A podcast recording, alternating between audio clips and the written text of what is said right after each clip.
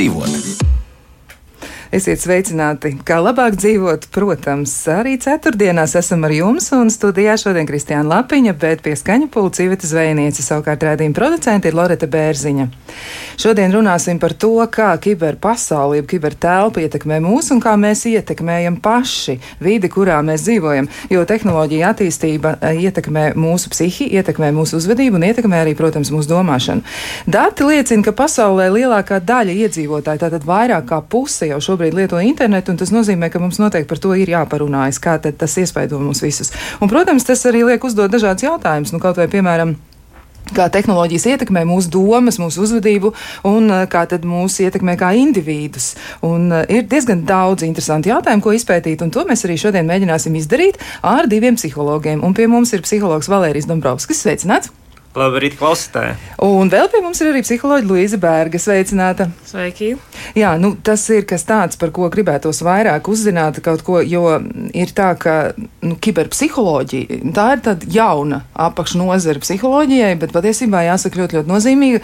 Un iespējams, ka mēs arī paši jau savas ādas to sākam izbaudīt aizvien vairāk, jo pēdējie divi gadi un arī iespējams nākamais gads, nu, tas būs kibergads. Droši vien tādā arī tiešām pārnestā nozīmē vēl vairāk vairāk nekā tas ir bijis pirms tam. Varbūt sāksim ar eh, nu, pirmo jautājumu, kas vispār ir kiberpsiholoģija? Varbūt sāksim no tā gala.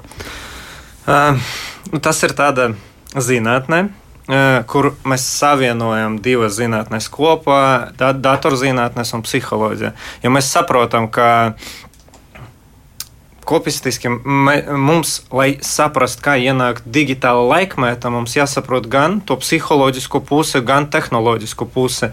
Un, kad viņas savienojas kopā, tad mēs varam pētīt visus šos jautājumus, parādības, kas ir saistītas ar šo. Savādāk es uzskatu, ka nav. Es ceru, ka es atbildēju šo jautājumu. Jā, varbūt Līzai ir kas papildināms, jo noteikti var arī mēģināt paskaidrot sīkāk, nu, vēl dažas lietas, jo, nu, piemēram, kibertelpā jau nav robežu.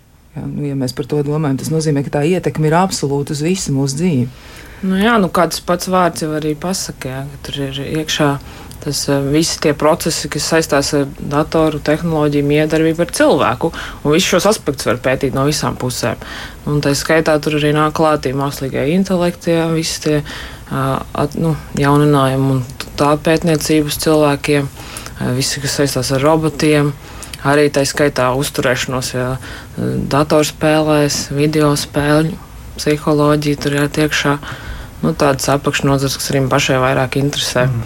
Bet runājot tieši par to interesi, varbūt mēs varam arī ar eh, to mazliet iezīmēt to lauku, nu, respektīvi jūsu abu interesi, jo jūs esat arī strādājuši pie šī temata, jūs esat diezgan daudz ko izdarījuši, arī paveikuši lielas lietas, eh, kādas tieši varbūt eh, šoreiz mēs par to sīkāk nerunāsim, bet nu, tas ir rezultējies mm -hmm. arī mhm. tādā lasāmā materiālā, ko ja klausītāji gribēs arī atradīs, atceroties abus jūs, jūsu vārdus un uzvārdus. Ja tad meklējot internetā, noteikti atradīsiet arī kaut ko interesantu un lasāmu.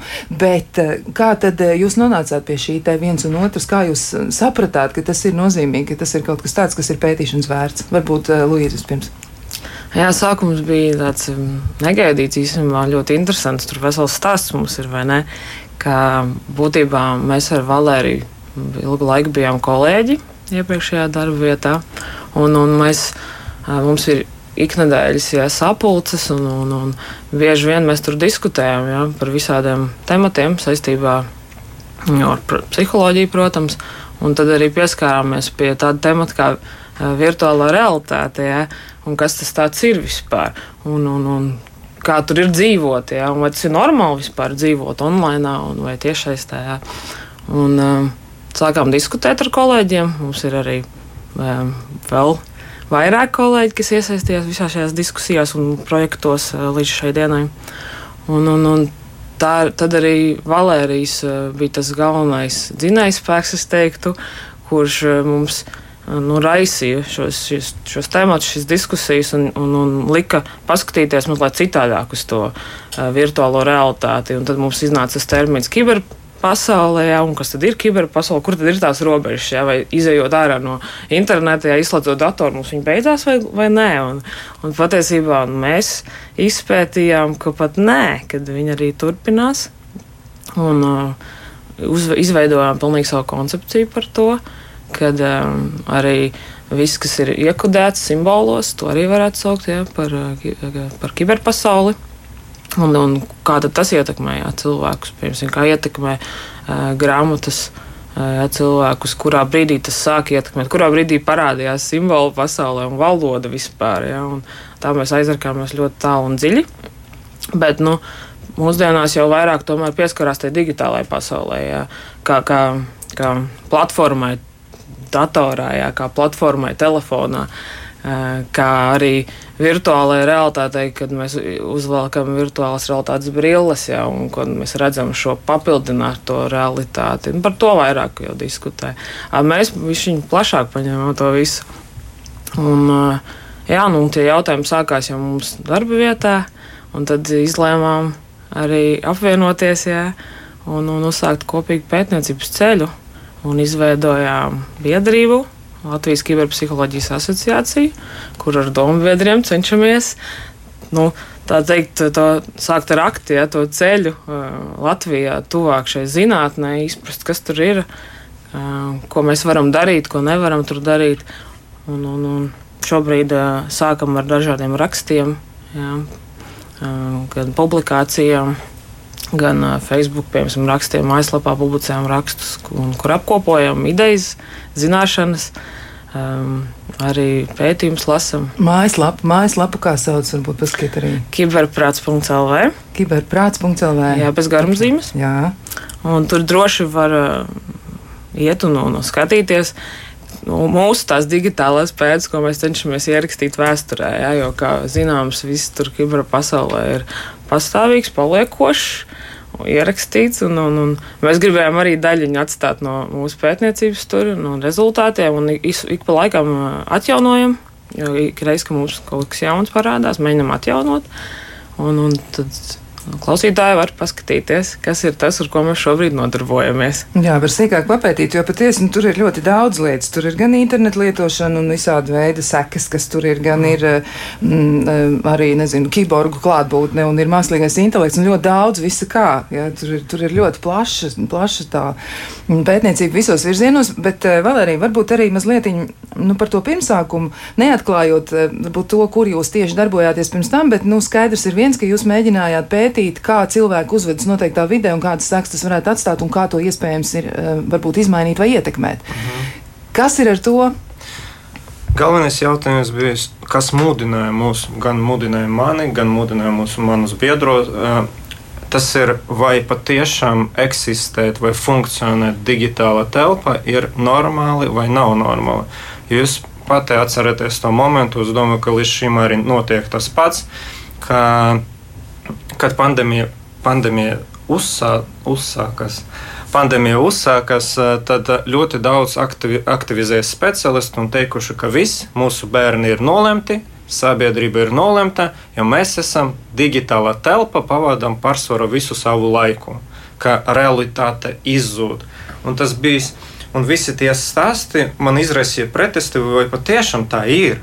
Jo ļoti daudz cilvēki, kuri līdz pandēmijai ir funkcionējuši un dzīvo digitālā telpā, un viņi dzīvo laimīgi. Un tas ir stāsts, piemēram, par tiem pašiem kibersportistiem.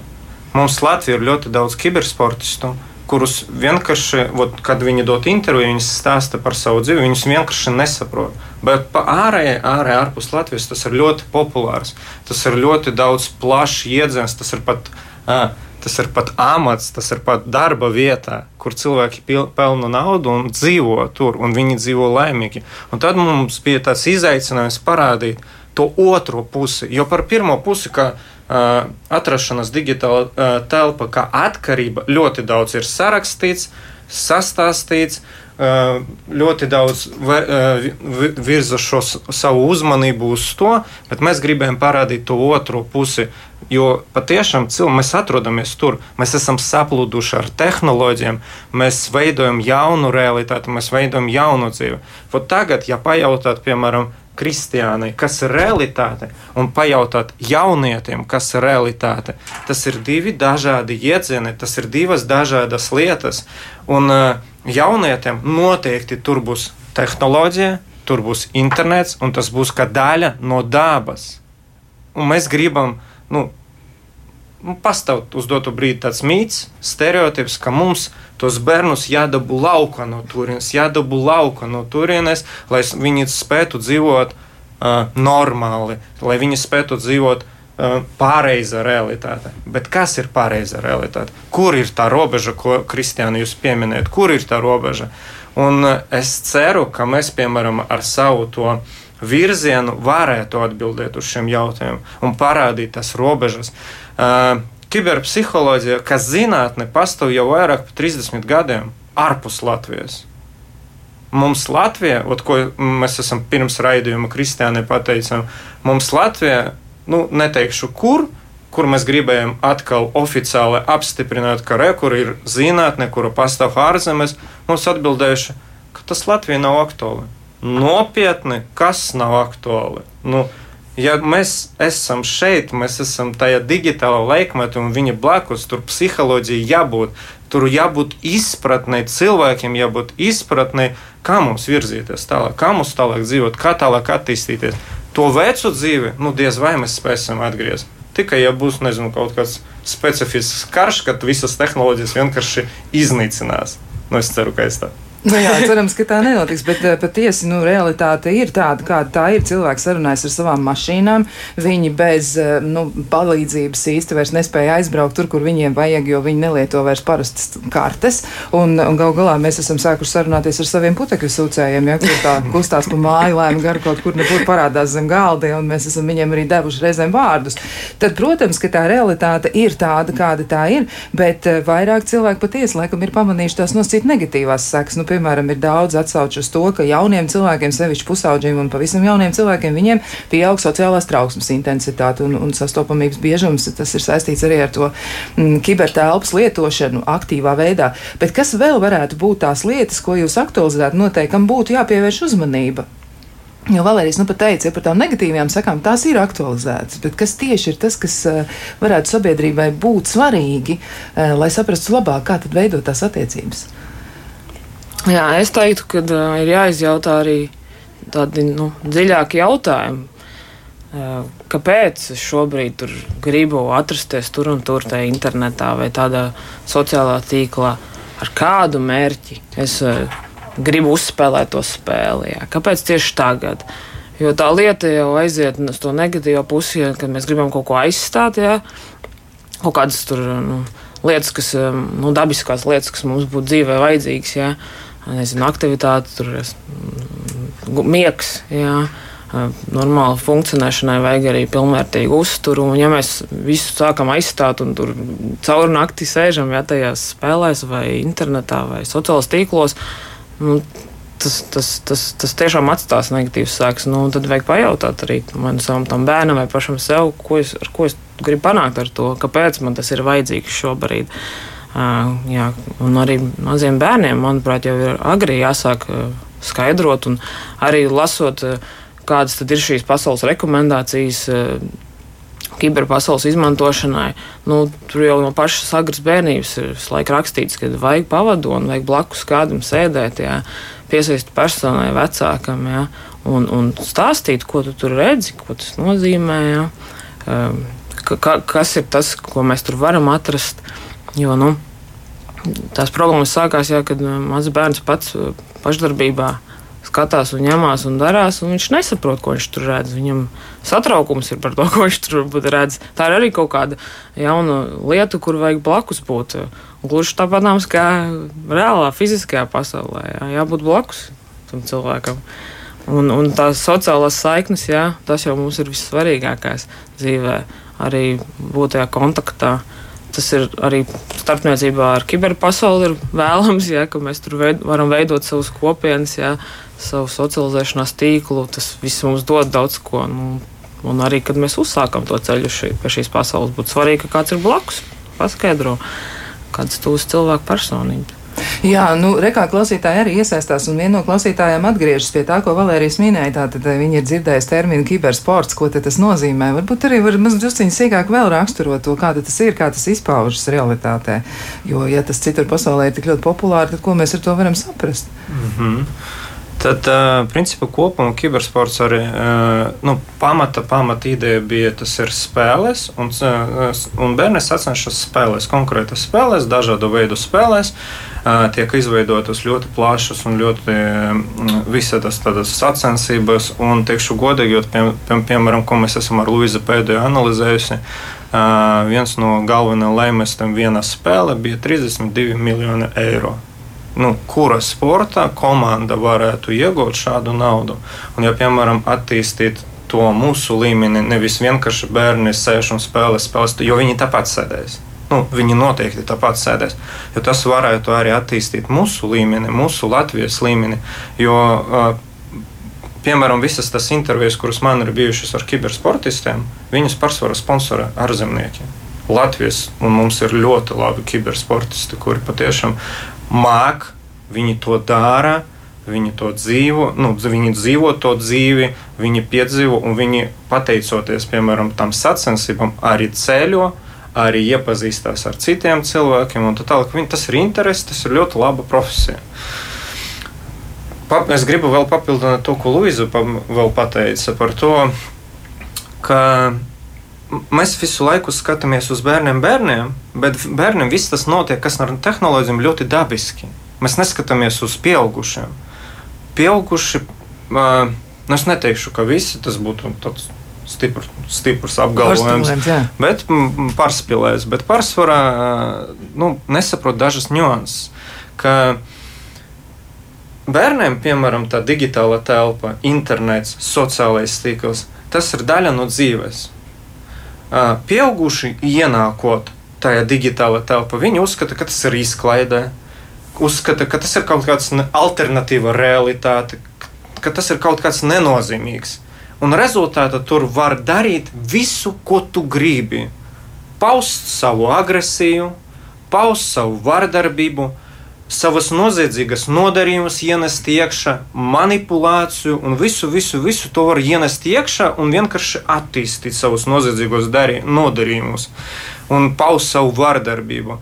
Bet vot re, kur, kur jāizglītas, ir jāizglīto sabiedrību, ka to nedrīkst darīt. Tu nevari ienākt iekšā, ieraugot, uh, ka nezinu, cilvēks ir postojis, publicējis savu bildi un rezultātā uzrakstīt, cik tu esi nesmuka vai vēl kaut ko. Ja? Jo cilvēks dara apziņā, nu, cilvēks, kurš publicē, viņš noteikti negrib saņemt to tādu attieksmi. Viņš grib saņemt nu, kaut kādas patikamas lietas, vismaz konstruktīvo kritiku. Un šeit es uzskatu, vot, kur jāstrādā. Piemēram, tiem pašiem mums jāpadara šo telpu, digitālo telpu, par drošu vidi, uz ko mēs tagad nu, pagaidām neejam. Mēs mēģinām to panākt bišķiņ savādāk, ar programmām, lai nebūtu tur hakeri iesaistītos un mums noz, nenozaktu. Bet mums, kā sabiedrība, jo tur arī ir sabiedrība, tur arī ir savi noteikumi, tur arī valda savi kaut kādi nosacījumi un visādi, visādas robežas.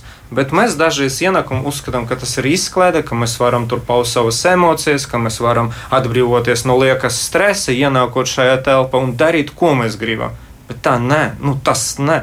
Tas arī biedē vecākus, ka bērns ienākot uz turieni, ieraudzīs visus tos komentārus, visus to negācijas. Un vot, tur mums patiešām jāizglīto sabiedrību. Jo tas vairs nav alternatīva realitāte. Tas ir daļa no mūsu realitātes, kur mēs arī funkcionējam, komunicējam savā starpā, mēs dzīvojam, mēs veidojam attiecības, mēs strādājam, mēs visu ko. Tas ir tāda paša normāla dzīve vienkārši arī tos normālus nosacījumus jāienes iekšā, un katram jābūt atbildīgam par to, ko viņš tur dara. Jā, tas laikam ir tas grūtākais mainīt domāšanu un pārslēgties tiešām no tā, ka internets vai arī, nezinu, kaut vai tie paši telesakari vai datortīkla lietošana, ka tas ir, tā ir realitātes daļa. Tas nav kaut kas, kas ir, nu, kaut kur trešdienas vakarā, ja tad, kad sanāk brīvs laiks, jo tā ir kļuvusi par mūsu dzīves sastāvdaļu, par mūsu dzīvi būtībā. Un tiešām, ja 56% pasaulē iedzīvotāji aktīvi internetu lieto un dara arī daudz citas lietas, tad tā ir realitāte, ar ko noteikti ir jārēķinās. Bet uh, vēl arī uh, klausītāji saka tā, viens no klausītājiem raksta, jūs runājat par bērniem, bet vai zināt, ka arī daudz pensionāri ir pievērsušies spēlītēm datorā, un kā jūs to varat komentēt? Nu, tas nozīmē, ka ne jau tikai par bērniem mēs runājam. Jā, jā, jā protams. Es tieši vakardien uh, uzskrēju virsū statistikai kad patiesībā tieši video spēles tur, tur nav nekādas kā, rāmji, uh, nu, gan sieviešu nu, sieviešu dzimums, gan vīriešu dzimums, gan drīz līdzvērtīgi spēlē visā pasaulē datorspēles. Un tas vecums, tieši, kas visvairāk spēlē, bija no 18 līdz 35 gadiem, bija lielais vairums. Un tad pēc tam no 35 līdz 54 gadiem bija. Un tikai trešajā vietā bija zem 18 gadiem. Tā kā jā, es pilnīgi piekrītu klausītājiem, kad, jā, kad, kad tas ir drīzāk jau vecāku gadu gājumu cilvēki pavada spēlējot spēles. Ja? Jā, bet kā tas ietekmē mūs, jo nu, kiberpsiholoģija noteikti mēģina arī analizēt tos psiholoģiskos un psihiskos procesus, kas notiek, nu, piemēram, kaut vai gadsimta lāsts, izolācija un vientulības izjūta. Kas notiek ar to, jo arī tā ir problēma, ko iespējams atrašanās kibertelpā tomēr varētu arī nu, veicināt zināmā mērā. Kāds būs jūsu komentārs par šo? Varbūt vispirms, un tad vēl arī noteikti ir ko piebilst. Jā, mums tieši bija viens raksts par šo tēmu. Un, un, un, um, jā, nu, tas ir tipiski mēģināt domāt, ka kiberpasaulē mūs izolē. Tāpat laikā nu, mūsu nu, mūs tā perspektīva vienmēr bija tieši no otras puses, kādā veidā tā kiberpasaule var palīdzēt tieši socializēt un veidot šo saskarsmi. Un, uh, tur arī uh, nāk, nāk iekšā tie, tie jautājumi, nu, vispār, kāds tam cilvēkam ir uh, dzīve ārpus kibertelpas, cik viņš ir apmierināts ārpus kibertelpas, nu vispār dzīvē. Ja? Un, un ja viņš nu, tur, tur jau ir bijušas kaut kādas grūtības, tad, manuprāt, tas arī pārnesās tālāk uz kiberpasauli. Arī ar visu kiberpasaules iespējām viņš jutīsies izolēts un vientuļš. Jā, nu, tas jebkurā gadījumā ir liels izmaiņas jebkuram cilvēkam līdz ar covid, ja, kad, kad pēkšņi mums bija šīs karantīnas un jāsēž mājās. Tāpat laikā nu, nav tā, ka visi tā jutās, kad viņi ir izolēti. Es tāpat laikā zinu, ka tieši liela daļa jutās forši. Kad, hei, man vairs nav klātienē, jāatpavada laiks tur uz ceļu, nezinu, jāstiek visi, jāapskrien tur visi ja, pilsētā, bet to arī reāli zūmā, ja, sazvanīt vai Skype, uh, savus tuviniekus. Arvien vairāk tās videokonferences veidojās arī. Um, Zinu, ka eh, daudziem, kad piedzima bērniņi šajā Covid laikā, reāli ar vecākiem sazinājās videokonferencēs. Un, nu, man vismaz draugu un paziņas problēmas beigās neizjūt. Nu, tad, jā, es domāju, Valērijas var vairāk pakomentēt tieši no tā aspekta, kas tika jautāts. Jā, nu tā tad par izolāciju, par, par atsvešināšanos, jā, un vientulību. Par vientulību ja kopumā analizē šo situāciju, nu, tur varētu būt daži, dažādi iemesli. Bet eh, kā mēs skatāmies, mums jāsaprot, kā mēs skatāmies uz vientulību. Ja tas ir vientulība un tas nozīmē norobežošanos no tās sabiedrības, kuru tev apkārt, jā, tad mēs varētu pateikt, ka kibertelpa, digitāla telpa, internets veicina šo. Es norobežojos. Bet kāpēc es norobežojos? Tur ir jautājums. Ja man ir jau problēmas dzīvē. Es negribu ar viņu, nu, es negribu tādu saskars. Man nav kontakta ar vecākiem. Viņi man nesaprot vai negrib mani saprast. Man tuvinieki man izraisa tikai spriedzi.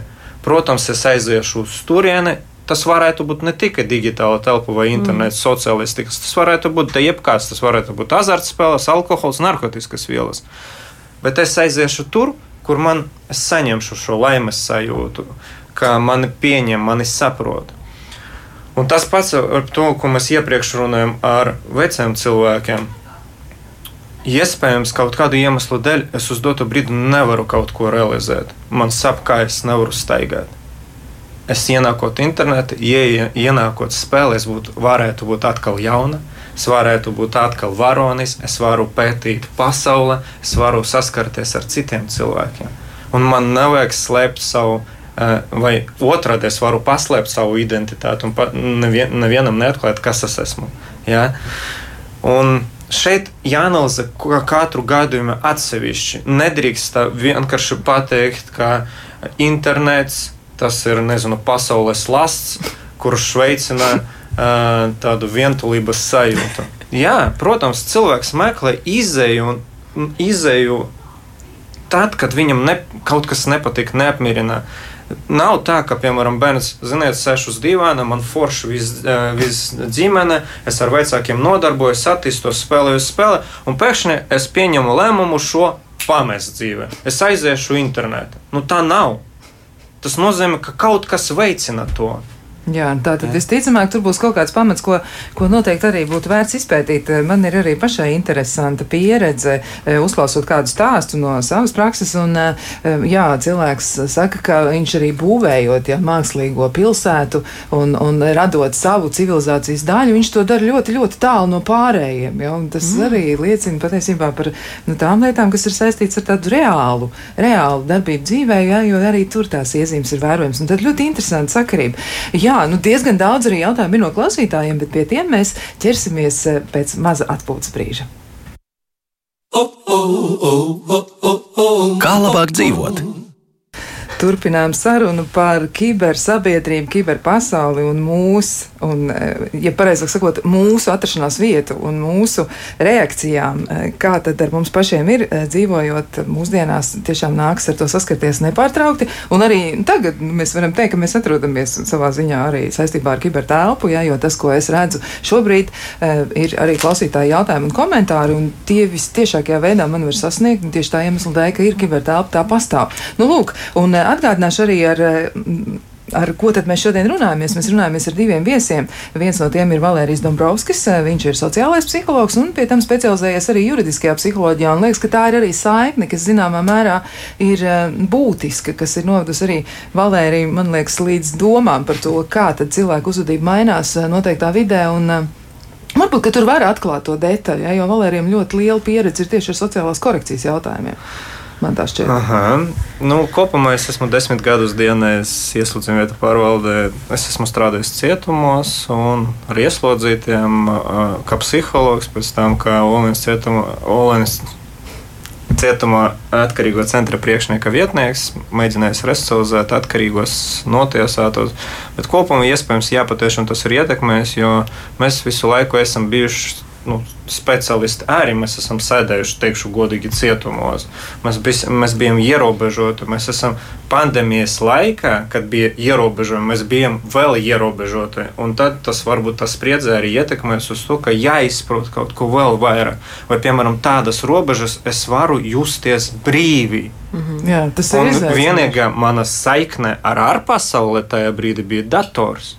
Jā, nu tas aizvedis ir nu, tiešām jūs abus divus, jo arī Luīza Berga, kurai ir klīniskā psihologa izglītība, un šī visa ir atbildes klausītāju jautājumiem, jā, par to arī kāda ir studijas viesa izglītība, jo patiesi jūs pārstāvat ļoti, ļoti izaicinošu jomu, un arī jūs paši nu, aizkadrā, jā, jeb tajā brīdī, kad klausītājiem bija iespēja atveldzēt sev ar mūziku, jūs arī teicāt par to, ka tas sagādā milzīgi izaicinājumu, jo ko līdz jūs pasakāt, ar ko jūs nodarbojaties, un kas ir jūsu pamatzinātniskā interese šobrīd, tad tas rada zinām pretestība arī tajos cilvēkos, kas jūs uzklaus. Un vēl arī noteikti es klausītājs aicinu pievērst uzmanību tam, jo es ieteiktu jums paskatīties arī grāmatnīcās ir parādījusies jauna grāmata, kas kā reiz runā par mums pašiem, par kiberpasauli un eh, saikni kāda pastāv starp mums un kibertelpu, tā kā pameklējiet. Bet klausītājiem savukārt, klausītājiem ir ļoti daudz gan atziņu, gan arī komentāru. Viens no klausītājiem raksta tā, ka domāju, tā ir bezcerīga cīņa. Datoru mākslīgais intelekts, cilvēks zaudē šo cīņu, viņš ir pesimists. Bet vai tā ir cīņa, Valērija? Laikam, tomēr taču uh, mēs varam savādāk to uzlūkot. Es teikšu godīgi, ka katram cilvēkam ir savu, sava iespēja, sava atbildība. Viņš var cīnīties Un tas ir normāli. Un tas varētu būt kļūt par dzīves iegūmu, par dzīves mērķi. Ja? Vai saprast, kā man izmantot tehnoloģiju, lai attīstīties. Ja? Un katram es pilnīgi piekrītu, ka katram varētu būt sava izvēle un savas tiesības uz to. Ja? Jo mēs uh, arī rakstam par to, ka ir trīs veidu cilvēki, kuri izmanto, kuri neizmanto tehnoloģijas vispār, un joprojām tādi cilvēki pastāv, un viņi vienkārši pretojas tam, un viņi uzskata, ka viņam uh, nu, tā ir ērtāk. Ir cilvēki, kuri vienkārši lieto tehnoloģijas, lai papildinātu savu nezinu, dzīvi, vienkārši lai sasniegt savu kolēģi vai sazināties ar saviem draugiem, viesiem. A ir cilvēki, kuri ienāk kibertelpā un mēģina savas prasmes tur pielietot, savas prasmes attīstīt, izprast kaut kādus, jo no kurienes mēs varētu tagad ļoti ātri dabūt informāciju da par jebko. Ienākot Google un uzrakstot jautājumu. Un viss. Vai tas bija iepriekš, nezinu, vēl 20 gadus atpakaļ, tas, vai tas ir bijis iespējams?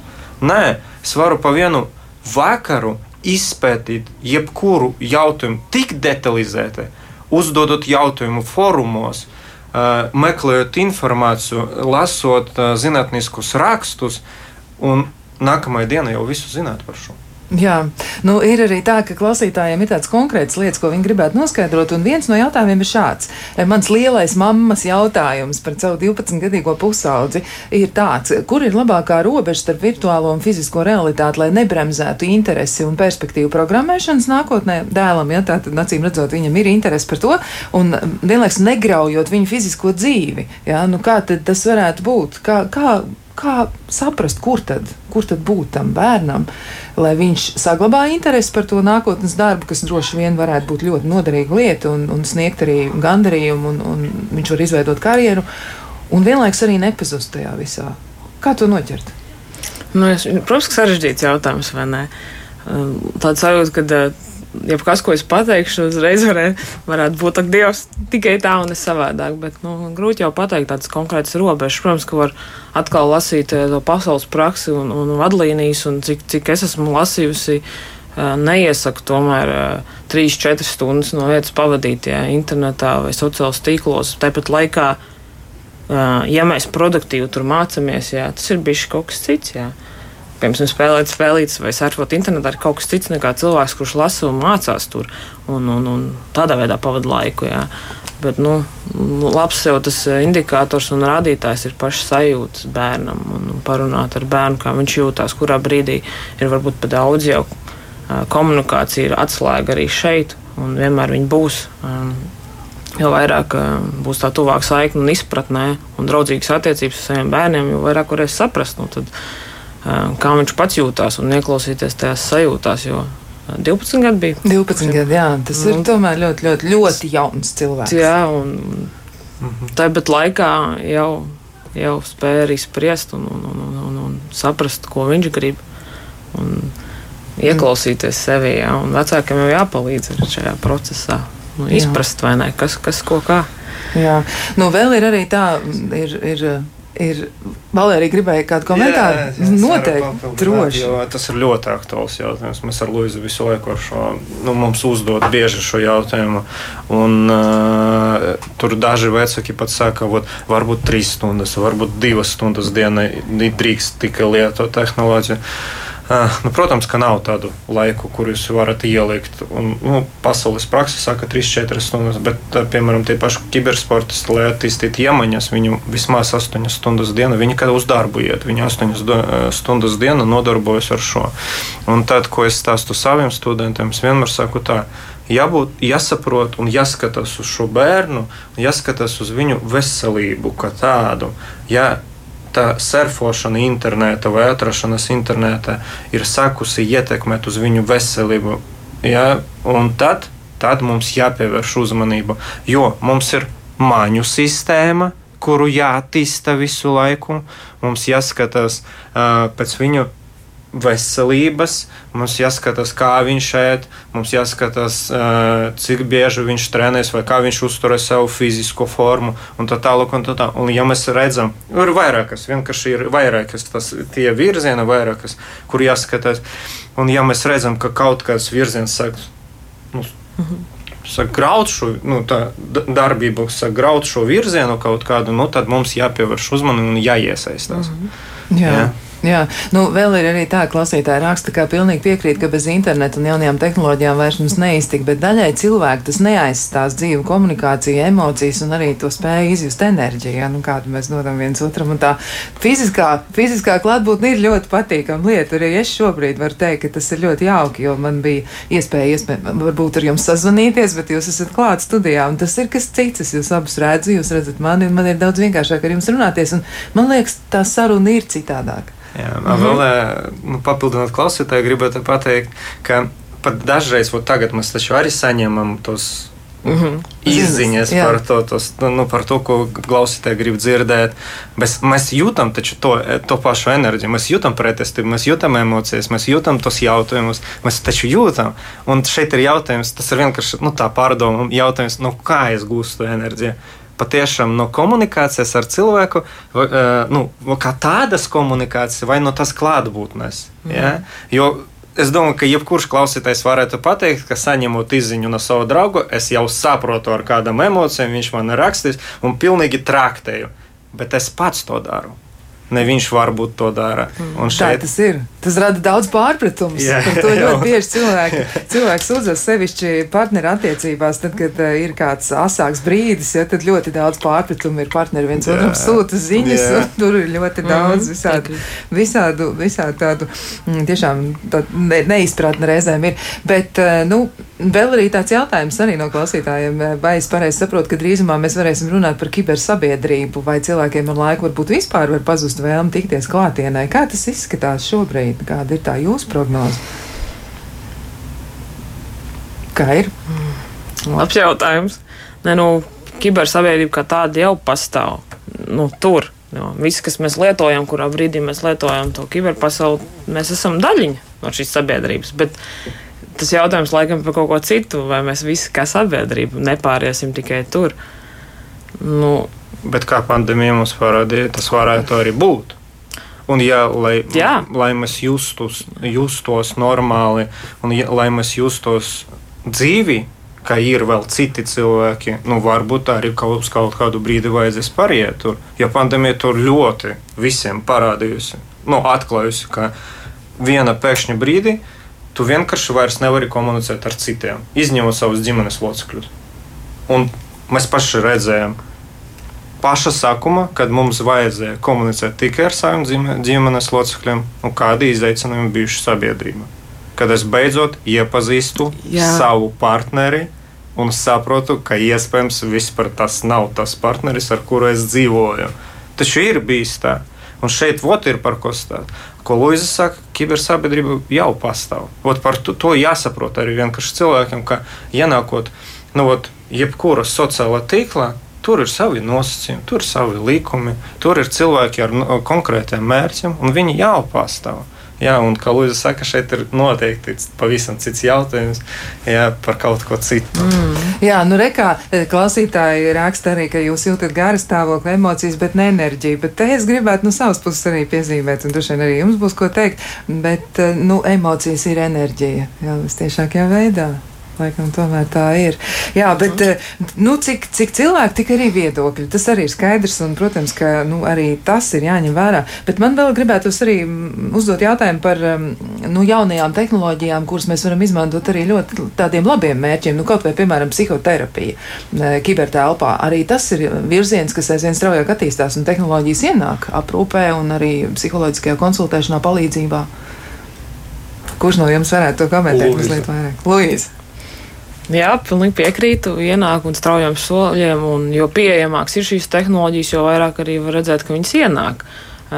Protams, mums tam mazliet lēnāk, pieņemsim, Ķīnā un Japānā jau daudz straujāk ienāk. Viņiem pat ir interesanti lieta, kā tādi terapeitiski robotiņi, ja, kur, kur tur reāli veco ļaužu namā viņiem ir, nu, tā kā pieņemsim, dzīvnieku izskatā kaut kāds robotiņš, kurš ļoti spēj labi imitēt uh, dzīvnieku līdzīgas darbības. Un ir pierādīts, ka tas uzlabo pašsajūtu ja, šiem cilvēkiem, kad viņi var tādā veidā veidot interakciju ar šiem robotiņiem. Vai nav brīnišķīgi arī terapeitisks reāls efekts?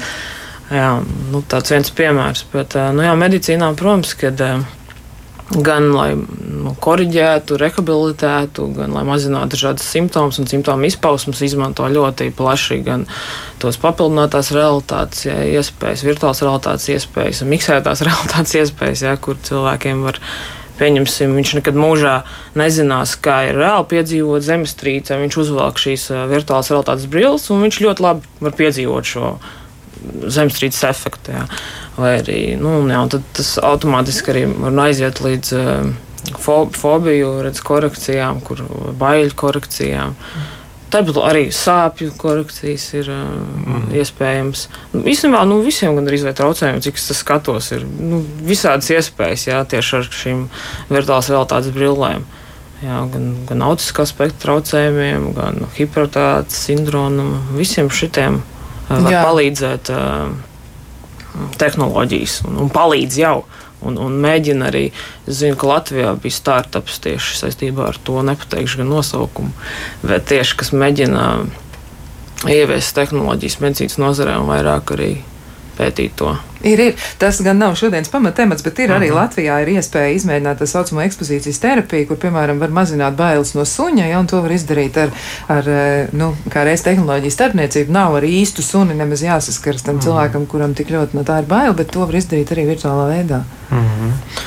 uh, es saku, vai ar brīles palīdz? Ar, strādāt ar bailēm, ar trauksmi, ar sāpēm, dara visu, ko. Mm. Principā, mm. nu, uz doto brīdi tas tā attīstās. Mums noteikti mums Latvijā to jāattīstā arī.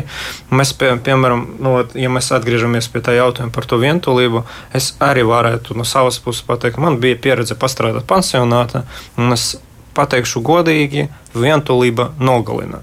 Ja? Un, ja, piemēram, mūsu pansionātus, nu, vienkārši varat iedomāties, mēs pat uzrakstījām par šo nelielu tādu rakstu ka varētu būt tāds projekts, ka, ja būtu, piemēram, planšete vismaz uh, cilvēkam, vecam cilvēkam, kurš dzīvo pansionāta, planšete uz sienas, kura katru rītu viņu sveicinātu, ar viņu runātu, diskutētu par vienkāršām kaut kādām tēmām, iespējams, viņš tik ātri, nu, tagad bārgi pateikšu, nenomirtu tajā pansionātā, ja viņam blakus būtu tehnoloģija. Tāda veida tehnoloģija. Jā, nu tas ir pierādīts jau arī 20. gadsimta sākumā. Ļoti daudz psihologu strādāja šiem jautājumiem, mēģināja saprast, eh, kā tad ir ar būšanu vienam vai kā bērniem veicas, ar nespītas pētījumu un daudz citi. Eh, bet, eh, nu, vēl ir arī tā, ka klausītājiem ir šis pats komentārs par vientulību, jā, ka cilvēki šobrīd kļūst ar vien vientuļāk un tagad pandēmijas apstākļos, kad nav tādas iespējas tikties, tas ar vien pastiprinās. Un jautājums ir, nu, savā ziņā retorisks un arī ļoti tieši, vai varam paglābties no vientulības virtuālajā pasaulē. Nu, Valērijas piedāvā vienu no variantiem, kā varētu mēģināt to darīt. Jā, jā nu tā ir. Un vēl arī. Vēl arī ir, eh, jums ir ļoti jauks kompliments, tagad gan jāskatās, kā būs ar emocijām un enerģiju. Ja?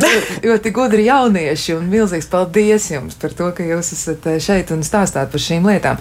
Bet, eh, nu, vēl tāds, tāds jautājums arī par, par tehnoloģijas izmantošanu. Arī mēs zinām, ka viens no pētniekiem, arī mm, internet speciālists un, un kibertelpas speciālists, un arī viens no mākslīgā intelekta tēviem, Jozefs Vēzenbaums, viņš savulaik izveidoja Elīzi, ja, šo programmu. Jā. Ja, tā ir tāda ļoti, ļoti zināma lieta. Nu, kā ir ar to nākotnī, varbūt raugoties tieši uz mūsu situāciju, tad eh, mēs jau iezīmējām mazliet, ko vajadzētu attīstīt. Valērijas teica par to savstarpējo attiecību kodeksu, varbūt jau vai to, ka, nu, kā mēs iztumies realitātē, tā arī kibertelpā. Bet kas ir tas eh, vēl tas, nu, tāds eh, jūsu prāta attīstāmais? virziens, terapija noteikti, jā, kas vēl? Pansionātu, iemītnieku dzīves uzlabošana un, un dzīves kvalitātes uzlabošana. Nu, kas vēl? Mums ir vairākas idejas bijušas. Principā tas ir e, uz doto brīdi, es uzskatu, tas vien, viens no tādiem klastiem, kurš nav izpētējis un principā tur realizēt ļoti daudz projektus. Vien, viens no projektiem, piemēram, uz doto brīdi es, piemēram, e, es Es saprotu, ka mēs jau uzskatām, visi, ka cilvēki vienkārši nav gatavi ārkārtām situācijām, jebkuram ārkārtām situācijām. Un, ja viņam būtu, piemēram, tāds uh, telefona konsultants, kurš viņš varētu ļoti ātri uzties spogu un viņam rīcības soļus pateiktu priekšā, kad viņš ir šoka stāvoklī vai stresa stāvoklī, tad viņš spētu rīkoties. Jo uz doto brīdi jūs paši redzat, nu, mēs, protams, mēģinām, mums pat civilās aizsardzības nodarbības ir un visu, visu ir uz studentiem, bet kopumā, ko es esmu pamanījis, ka cilvēki kritiskas situācijas nespēja rīkoties adekvāti. Un, ja viņam būtu blakus konsultants, kurš pogu vienu uzspiedu, tev uzreiz ugunsgrēka, zemestrīce, iespējama vardarbība, tev uzreiz soļus pasaka priekšā, tev nevajag pārdzīvot cik daudz stāstu ir bijuši par to, ka cilvēks zvana. Uh, izsaukt ātrā palīdzību un nevar izstāstīt, jo viņš tur lāmājas par to, ka viņu draugs tur mīst nost, ātri brauca. Tur ir konkrēti soļi, ko tev jāpasaka, kā, pas, kā pateikt, lai viņi ātrāk no uz kādiem jautājumiem atbildē. Un tas ir viens no virzieniem. Otrais virziens nu, - tas pats pansionāts un vientulības sajūta, terapija. Uh, Noteikti es uzskatu, ka Latvija jāpieķeras klāt tieši tam kibersportistiem, un tad tie jaunieši, kuri patiešām, nu, ne jaunieši, bērni, kuriem patīk spēlēt, spēlēties, varbūt, lai viņi arī pelnītu ar šo. Nevis vienkārši spēlētu, spēlēties. Ja? Arī tos spēles viņi varētu būt mm, attīstoši. Ja? Un mums Latvijā ar šo nodarbojas. Mums ir veselas kompānijas, kuri nodarbojas, lai attīstošas spēlēs, lai bērni apgūtu kaut kādas prasmes. Izglītība. Mums izglītība tik daudz visādu interaktīvu procesu var izveidot saistībā ar šo, ka nu, es nezinu, tas ir tāds klāsts, reāli var nodarboties un nodarboties tikai ar šo. Jā, tad, tad ir ļoti, ļoti daudz, ļoti plašas iespējas. Eh, tiešām, jā, izskatās arī, ka šo sarunu mums noteikti vajadzētu turpināt. Pirmkārt, tāpēc, ka klausītājiem ir diezgan daudz dažādu jautājumu, arī secinājumu par to, un arī, eh, nu, arī, arī par to, kā to varētu izmantot. Jā, tas ir eh, nu, tiešām tas, tas ir attīstāms. Bet eh, nu, vēl arī redz, kur ir komentārs par plūdiem, kas eh, Vācijā savukārt ir izraisījuši milzīgu, milzīgu problēmu. Ja pazūd telekomunikācijas sakari, arī mobilie sakari, un eh, nu, pilnīgi zaudēt realitāti nevajadzētu. Un vēl arī ir, nu, ir tā, ka varbūt ka par tiem senioriem nu, mm, droši vien jāmeklē arī citi risinājumi, ja, jo senioram, kuram jau ir nu, krietnes vecums, diezinu, vai viņš tur būs pie tā nērtā datora vai vai planšetes pieliekams, un viņš tur arī labi jutīsies. Klausītāji tomēr diezgan nu, skeptiski. Tas ir, tas ir tāpēc. Tā, Nu, šeit es saprotu, ka to skepsi, bet šeit arī ir tas stāsts, ka, ot, piemēram, pat tādiem ļaužiem, kuri nevar darboties pie datora, kā attīstīt šo nu, tehnoloģiju, lai viņa pati funkcionētu. Jā. Lai viņa vienkārši, kad nu, viņš sadzird kustību, un viņš jau ar viņu saka darboties, runāt. Jā. Jā, jā. Nu, izskatās, ka šī saruna noteikti būs jāturpina, un eh, mēs vēl daudz runāsim par kibertelpu, arī par mums pašiem kibertelpā. Un, uh, savukārt klausītājiem atgādināšu, ka šī rīta saruna bija ar psihologu, sociālo psihologu ar specializāciju juridiskajā psiholoģijā Valēriju Dombrovski un arī ar klīnisko psiholoģi Luīzi Bergu. Un abi viņi ir uzskatāmi par kiberpsiholoģijas celmlaužiem Latvijā. Viņi gan nav vienīgie, bet jāatzīst, ka šādu speciālistu mums nav vēl pārāk daudz. Cerēsim, ka viņi kļūs ar vien vairāk. Un savukārt klausītājiem mēs novēlam, nu, lai jums izdodas veidot labas attiecības kibertelpā ar visiem pārējiem kibertelpas iedzīvotājiem. Lai skaista diena! Atā.